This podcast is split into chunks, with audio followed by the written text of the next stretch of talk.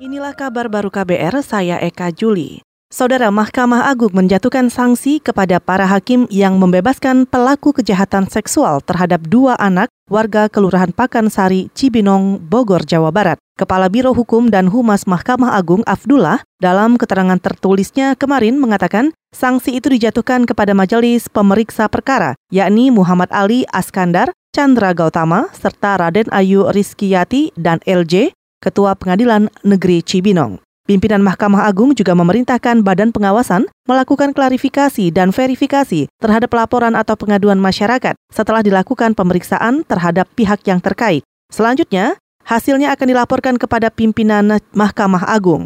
Saudara, pada 25 Maret 2019 lalu, Majelis Hakim Pengadilan Negeri Cibinong yang diketuai M. Ali Askandar memfonis bebas Hendra Iskandar, pelaku kejahatan seksual terhadap Joni dan Jenny. Dalam pertimbangannya, hakim menyebut tidak ada saksi ketika peristiwa itu terjadi. Putusan ini mengundang reaksi keras masyarakat yang mempertanyakan kredibilitas hakim dalam memutus perkara. Terlebih, pelaku sudah mengakui perbuatannya dan ditunjang bukti visum. Perjanjian kerjasama proyek jalur sutra modern atau Belt and Road Initiative disebut mengancam kelestarian lingkungan ini lantaran 4 dari 28 proyek yang diajukan pemerintah Indonesia dalam kerjasama itu adalah proyek pembangkit listrik yang bersumber dari energi batubara. Manajer kampanye iklim dan keadilan ekonomi Walhi Yuyun Harmono mengatakan pembangkit listrik batubara hanya akan merusak lingkungan. Kumpulan ahli-ahli dunia ya yang memberi rekomendasi terkait dengan perubahan iklim mereka menyebut penggunaan energi batu bara, ya, energi primer bersumber dari batu bara itu itu tidak di tahun 2050 tidak lebih dari 7 persen.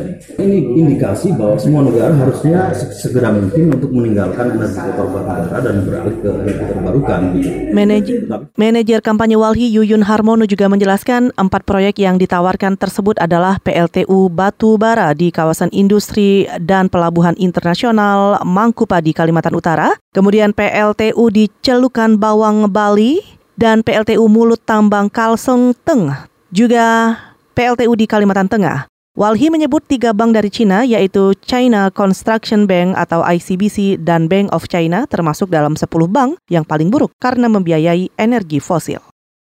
Saudara Migrant Care menyebut pelaksanaan pemilu di luar negeri kurang terakomodir. Direktur Eksekutif Migrant Care Wahyu Susilo menyayangkan banyaknya buruh migran yang ingin menyalurkan hak pilihnya namun tidak bisa pulang ke kampung halaman mereka. Wahyu menyebut respon penyelenggara pemilu terkait hal ini masih sangat rendah. Ini yang terjadi di Singapura, di Malaysia dan di Hong Kong gitu ya. Mereka banyak sekali yang uh, mungkin karena pada saat pendaftaran pemilih itu uh, tidak tersosialisasi, kemudian mereka baru tahu ada pemilu.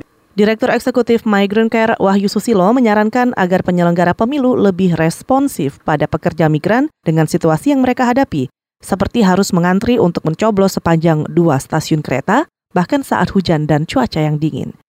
Demikian kabar baru, saya Eka Juli.